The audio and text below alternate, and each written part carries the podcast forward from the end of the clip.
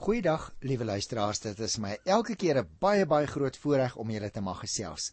Ons is besig met die boek Galasiërs en ek gaan vandag ook weer soos gewoonlik net 'n paar versies lees, dit afbyt soos 'n klein stukkie brood en saam met jou so 'n bietjie herkou daaraan. Maar uh, ons weet nou al Paulus is besig om op te tree teen sekere Judaïste. En daarom voordat ek hierdie paar verse vers 15 tot 21 bespreek, wil ek eers vir jou die kernvers na my beskeie mening uitlig en ek wil so 'n bietjie daaroor gesels.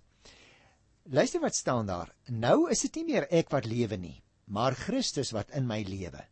Die lewe wat ek nou nog hier lewe, leef ek in die geloof in die seun van God wat sy liefde vir my bewys het deur sy lewe vir my af te lê. Nou ek wil juis oor hierdie wat ek dan nou noem die kernversie van vandag so 'n bietjie gesels en dan gaan ek die paar verse wat voor en na vers 20 staan met jou behandel. Dan kan ons die konteks waarbinne dit gesê word baie beter verstaan. Vir die ouens wat eh, nou vir die eerste keer inskakel, miskien net 'n paar oorsigtelike opmerkings. Ek wil dadelik sê ons weet nie presies waarvandaan of aan wie Paulus hierdie brief spesifiek geskryf het nie. Waarskynlik skryf hy of uit Efese of uit Korinte. Laasgenoemde, naamlik Korinte, is meer waarskynlik die plek waarvandaan hy skryf, maar ons is nie doodseker nie. Een saak is egter baie seker. Hy skryf die brief omdat invloedryke Jode begin sê het: "Behalwe Christus is ook die wette van Moses nodig vir 'n Christen se saligheid." En in ons gedeelte blyk dit nou dat daar selfs onder die apostels verskil daaroor was. Ek het verlede keer met jou daaroor gepraat. Hoe dat Paulus selfs vir Petrus moes gaan teregwys daar in uh, Antiochië omdat Petrus begin huigel het. Soms het hy saam met die Christene geëet, maar as hy Joodse gelowiges teenwoordig was wat nou tot die Jood Christendom tot bekering gekom het, dan het hy skielik 'n ander deuntjie gesing. Daarom het Paulus vir Petrus moes teregwys. Aan die een kant is daar in daardie opset Jakobus en Petrus en Johannes wat simpatie het met die gedagte van wetsonderhouding. Hulle skei hulle selfs by geleentheid af van die heidene wat tot bekering gekom het. As dit ware, wat sal ek dit noem, segregasie of apartheid op godsdienstige terrein. Nou dit kan natuurlik nooit op grond van die Bybel geregverdig word nie, nê. Aan die ander kant is Paulus en Barnabas wat sê dat 'n mens nie op grond van enige wetsonderhouding salig kan word nie, maar alleen deur die geloof in Jesus Christus en wat hy vir jou gedoen het. Wanneer Paulus dus in hierdie 20ste vers aan die woord kom, dan neem hy stelling in teen 'n baie belangrike dwaling. Ons sien hom hier in die pylfak wil ek amper vir jou sê, met 'n glashelder argument, maar nie net 'n droë stuk teologie nie, dis eintlik 'n persoonlike belydenis. Want in die 20ste vers, die eerste ding wat hy uh, sê en ek wil vir jou drie aspekte uitwys, hy sê ek is met Christus gekruisig. Hy wys dis eintlik op die simbool van die kruis. Jy sien luisteraar in geloofsgemeenskap met Christus het jy en ek gesterwe. Dit is wat Paulus eintlik besig is om te sê. En so, ja, so het ek self en jouself al die voorwaardes vir wetsgeregtigheid vervul.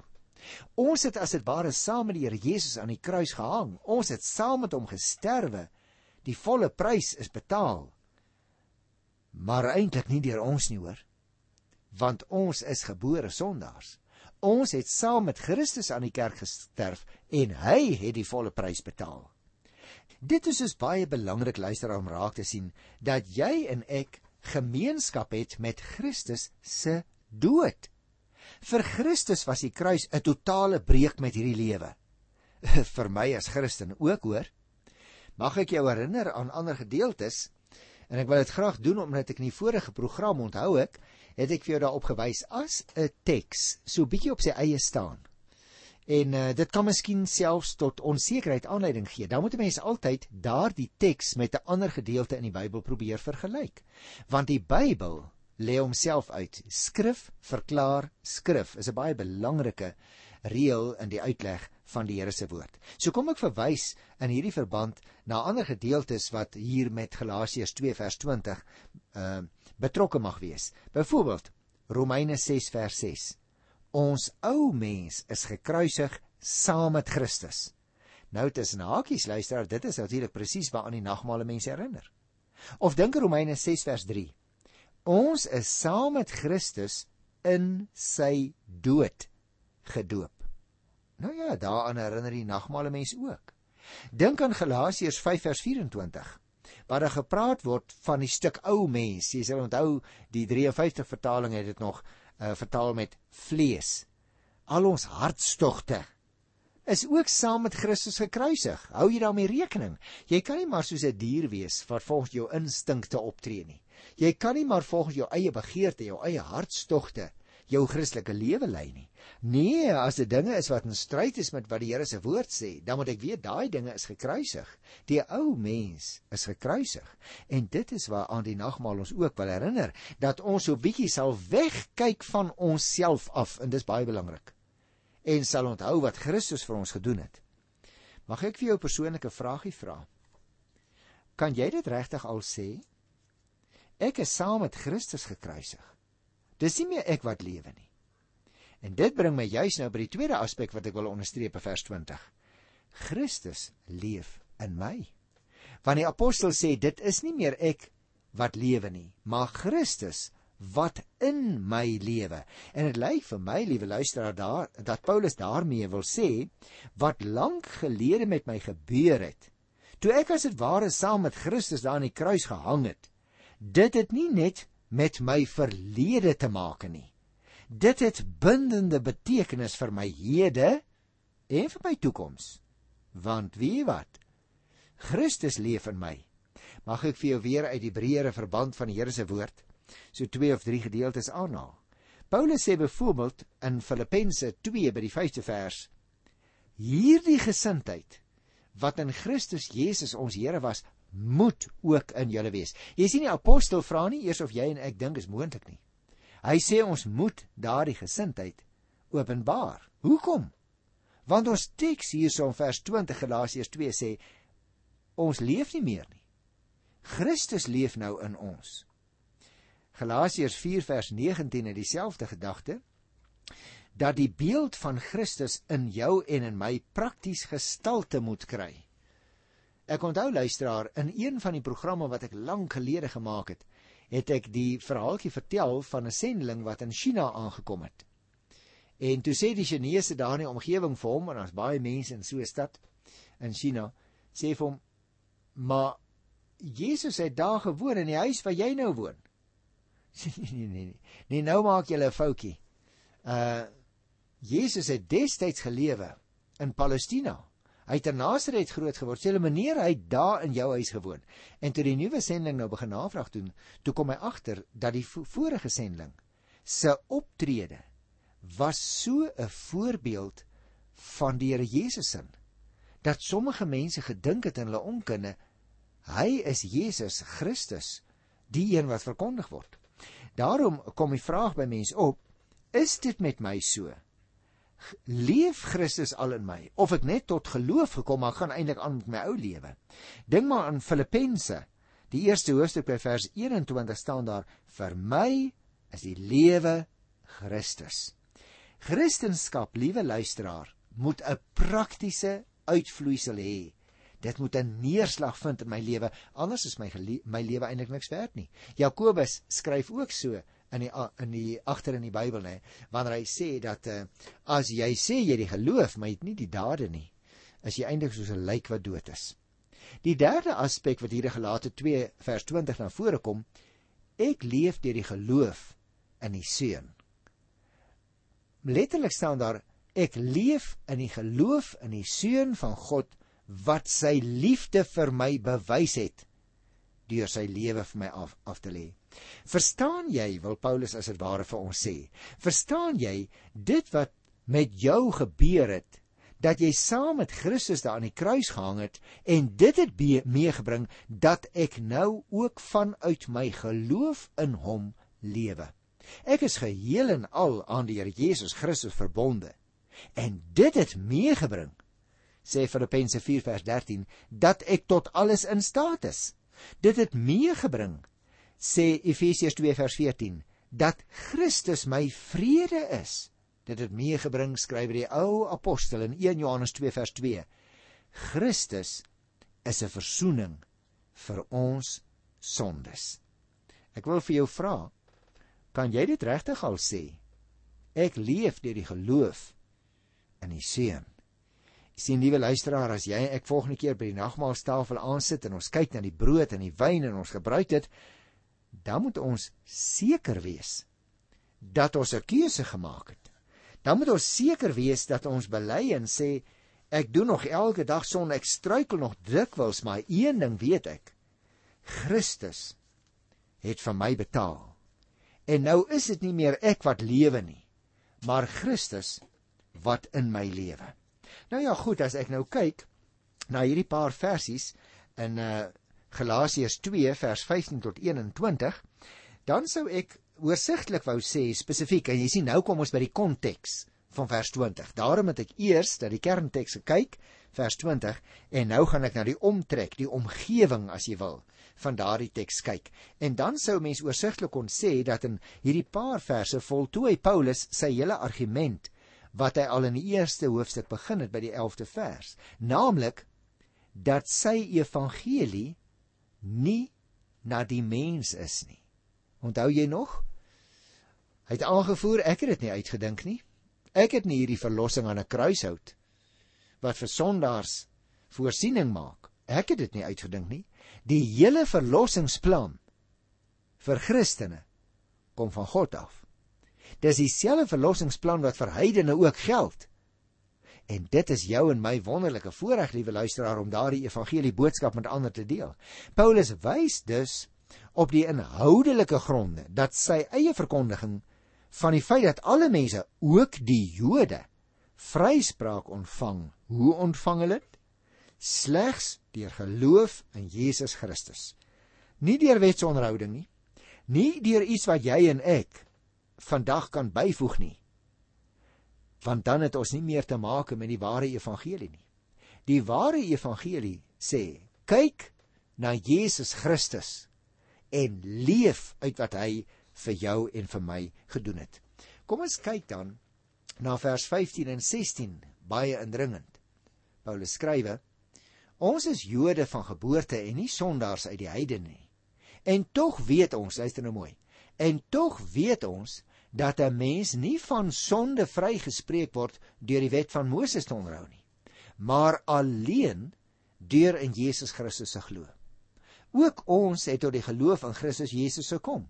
En dit is hoe ons vrygespreek is, deur in Christus te glo, nie deur die wet te onderhou nie. Want geen mens word vrygespreek op grond daarvan dat hy die wet onderhou nie. Dis baie belangrik wat hier staan. Met hierdie twee verse, liewe luisteraar, gaan die apostel van sy historiese opmerkings wat hy nou gemaak het oor na 'n teologiese bespreking van die hoofbeginsels wat lê agter hierdie gebeurtenis wat hy sopas genoem het, naamlik verlede keer ook daaroor gepraat dat eh uh, Sefas, sy ander naam is Petrus, sekere wetsvoorskrifte van die Jode aan die nuwe Christene wou opdwing. En Paulus sê dit is nie waaroor dit gaan nie. Paulus sê alleen deur Christus. Hy sê vir hulle baie duidelik dat hulle uh en dit sluit homself natuurlik in dat hulle Jode is. Nie sondaars uit die heidendom nie. Die Jode luisteraar was natuurlik baie baie trots op hulle afstamming. Hulle was baie trots op hulle geskiedenis. Ek wil amper vir jou sê ons wat Afrikaans praat, moet versigtig wees want afstamming en geskiedenis is soms vir ons net so belangrik as wat dit destyds vir die Jode was. En daarom het die Jode nie soos die heidene nasies buite die verbond en sonder die wet gelewe nie. Jy en ek wat in 'n Christelike huis groot geword het, is dikwels in die gevaar dat ons die skerp kant van die evangelie nie wil toelaat in ons lewens in te sny nie. Ons het bepaalde gedragspatroontjies ontwikkel. Ons het sekere kleertjies wat ons aantrek. Ons het selfs kerkskoentjies. Maar liewe luisteraar, dis regtig nie waaroor dit gaan nie. Luister byvoorbeeld na die 17de vers en ek gaan vers 18 sommer daarmee saam lees en dan kan ons 'n bietjie met mekaar daaroor gesels. Hy sê as uit ons soeke na vryspraak in Christus gebleik het dat ons ook sondaars is, Beteken dit dan dat Christus in diens van die sonde staan? Beslis nie. Nou ek dink, luisteraar, dit is 'n baie baie belangrike opmerking wat eintlik hier deurgetrek kan word tot by vers 19 want Paulus redeneer uh, in hierdie verse dat 'n mens nie Christus en die onderhouding van die wet as basis vir jou vermeende redding kan neem nie. Dit is of die een of die ander. Die wet het klaar bewys dat hy jou nie kan red nie. En daarom is al wat oorbly Jesus Christus. 'n Mens moet besef, liewe broer en suster, dat as jy die onderhouding van die wet ook 'n plek wil gee in die manier waarop jy voor God aanvaarbaar word, jy daarmee dit wat Christus vir jou verwerp het kanselleer. Kom ek sê dit andersom. As jy dink dat jy baie goed is en jy kan nou na die Here toe kom en sê Here, ek het dan baie goeie dinge genoem, neem dit asseblief in ag wanneer u my tot die hemel wil toelaat. Um, liewe luisteraar, dan is jy op 'n dwaalweg. Dit is nie die ware evangelie nie. Die ware evangelie sê Christus het vir ons betaal en byvoeg nie. Jy is daar iets wou byvoeg vir waar jy was. Volg voor omdat jy en ek nie die wet kan onderhou nie. En daar van daaruit die vraag wat ek nou net gelees het, ek gaan dit weer lees in die 17de vers. As ons uit ons soeke na vryspraak in Christus gebleik het dat ons ook sondaars is, beteken dit dan dat Christus in diens van die sonde staan? Beslis nie. Met ander woorde, let jy op wat hier gebeur in vers 17. 'n Vraag word gestel en dit is of die lewe deur die geloof en nie deur die werke nie 'n goddelose normlose lewe sal daaruit volg liewe luisteraar daarom vra Paulus pertinent beteken dit dan dat Christus in diens van die sonde staan? Daar word beslis nee ge geantwoord op die vraag. Paulus erken dus daarmee dat hulle sondaars geword het verbrekers van die wet dat hulle soeke om deur Christus vrygespreek te word. Maar Hy ontken dat sy opponente die gevolgtrekking kan maak dat wat hulle self doen Christus 'n dienaar van die sonde is. Hy sê dit is nie so nie. Christus het nie 'n dienaar van die sonde geword nie. Hy was ook nie in diens van die sonde nie. Hy het betaal vir die sonde. En dit is 'n baie baie belangrike aspek, liewe luisteraar. Jy sien, vir Joodse ore klink hierdie gevolgtrekking van Paulus baie eintlik dink ek baie na aan laster om saam met die heidene as sondaars voor God bestempel te word. Daarom vra hulle nou: "Maar maar het Christus dan nou die sonde kom dien?" En dis 'n baie belangrike aspek van die evangelie, liewe luisteraar. Jy en ek is dikwels so bietjie hoofvaardig. Ons sien onsself aan een kant en ons sien ander ouens as sondaars. Is ons nie dan dalk besig met selfregverdiging nie. Want dit kan nie. Ons moet saam met die ongeredde sondaars voor die Here Jesus buig. Of dit nou vir die 10de keer is terwyl iemand anders saam vir die eerste keer voor hom buig. Dis irrelevant. Maar ons is geredde sondaars. Dit beteken nie dat ons nie weer sonde doen nie. Daarom kan ons gerus maar 'n bietjie leer om nederig te wees en saam met ander mense wat vir die eerste keer hulle sonde bely, voor die Here staan. Nou gaan ek vers 19 en vers 20 lees. Luister mooi, hy sê: "Wat my betref, deur die wet is ek vir die wet dood, sodat ek vir God kan lewe." En dan daai versie waaroor ek begin praat het, want dis die kern. Ek is saam met Christus gekruisig en nou is dit nie meer ek wat lewe nie, maar Christus lewe in my. Die lewe wat ek nou nog hier lewe, leef ek in die geloof in die seun van God. Luister nou mooi, wat sy liefde vir my bewys het deur sy lewe vir my af te lê. O ja, luisteraar, die Here het sy lewe vir baie mense afgelê. Maar ek moet dit persoonlik aanvaar. Hy het sy lewe vir my afgelê. Nou kan jy natuurlik vra wat hou dit dan nou in om saam met Christus gekruisig te wees? En dit is 'n wonderlike beeld om te beskryf wat geestelik met ons gebeur het wanneer God ons vryspreek. Jy het nie net saam met Christus gesterf nie, maar soos wat hy opgestaan het en lewe, sê vers 19 en 20, leef ek ook nou saam met Christus. Nou kan jy en ek die nuwe lewe in Christus begin geniet, liewe luisteraar. Jou ou natuurlike geaardheid, jou en my verslawing aan die sonde, jou en my liefde vir die verkeerde dinge het saam met Christus gesterf. Nou het ons deel aan sy opstanningslewe en dus aan 'n ononderbroke en 'n intieme persoonlike verhouding met God. 'n Mens moet luisteraar dus nie by die dood van Christus vassteek nie, hoor, maar uitkom by die feit dat hy nou leef en dat hy die nuwe lewe aan ons ook gegee het. As 'n mens besef dat Christus in jou lewe soos vers 20 hier sê, dan kry jou eie lewe nuwe betekenis. Dan het jy hoop vir die toekoms. Al lê hoeveel probleme ook vir jou en loer. Ek sou graag wou wonder as ons nou jy en ek ek agter die mikrofoon of jy dit miskien daar in 'n motor of in jou bed of som op 'n stoel waar jy rustig sit en na hierdie program luister. Ek wonder as jy en ek nou met mekaar se kon gesels in hierdie oomblikke. Wat is al die goed waaroor ons gaan gesels? En uiteindelik gaan ons hopelik daarby uitkom om te sê almal wie wat. Christus het vir al hierdie verkeerde dinge in my lewe betaal. Dit sal wonderlik wees as ons so kan praat. Maar wie hy dan het ons nog nie die tweede gedeelte van vers 20 onderstreep nie. Naamlik dat Christus nou in ons lewe nie. Paulus gaan self so ver dat hy sê die lewe wat ek nou nog lewe, leef ek in die geloof in die seun van God wat sy liefde vir my bewys het deur sy lewe vir my af te lê.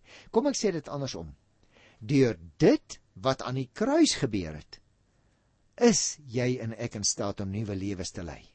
Ek wil vir jou 'n vraag vra. Het jy al ooit 'n besluit geneem om daardie nuwe lewe te begin lei? Want jy sien ons kan so dikwels oor ons sonde praat, dat ons vergeet van die nuwe lewe wat ons in staat is om te lei. Hoekom sê ek dit? Omdat die Gees van God in ons woon. Daarom sê Paulus ook, die lewe wat ek nou nog hier lewe, leef ek in die geloof in die seun van God wat sy liefde vir my bewys het deur sy lewe vir my af te lê. Daarom baie interessant. Hy sluit af in vers 21 met 'n totaal ander gedagte wat wel verband hou met die vorige. Luister baie mooi daarna. Ek verwerp nie die genade van God nie. As 'n mens vrygespreek kon word op grond daarvan dat hy die wet onderhou, dan sou dit immers beteken dat Christus verniet gesterf het. En dit is hoe geweldig ingrypend hierdie teks in ons lewe is, luisteraar. As jy en ek sê ja, Christus het betaal, maar ek moet ook nou nog die wet onderhou dan gee ons eintlik die Here 'n klap in die gesig met respek gesê. Jy sien hierdie vers kan gesien word eintlik as 'n kort opsomming van alles wat die apostels tot sover gesê het in hierdie hoofstuk. Deur in Christus te glo, verwerp hy nie die genade van God nie, so sommige in sy tyd hom van beskuldig het. Dit was juis wat die opponente gedoen het deur hulle slaafse onderhouding van die wet. As 'n mens deur die wet vrygespreek kan word, sou dit immers beteken dat Christus verniet gesterf het. En dit is nie wat die Bybel leer nie. Hy het gesterf, liewe luisteraars, sodat jy en ek vry mag uitgaan. Ons het niks om by te voeg nie. Paulus se afwysing van die wet as 'n weg tot verlossing beteken geensins dat hy 'n streep wil trek deur die lang geskiedenis van God se bemoeienis met Israel of dat hy die genade van God met hierdie volk ontken nie. Die punt is dit en daarmee wil ek afsluit. As die onderhouding van die wet nog steeds die grondslag vorm van die vryspraak van sonde en van die verlossing van die mens, dan het Christus se koms en sy sterwe geen verskil gemaak aan jou en my posisie dan sou die afleiding regverdig wees dat Christus verniet gesterf het. God dank, liewe luisteraar, dat jy en ek weet daardie siening is nie waar nie. Ons leef en Christus leef in ons. Ek wil vandag by hernuwing 'n besluit neem en sê Here, ek het die woord gehoor en ek antwoord op daardie woord. Ek gaan vir u lewe voortaan. Help my asseblief deur u Gees. Ek groet jou liewe luisteraar tot volgende keer. Totsiens.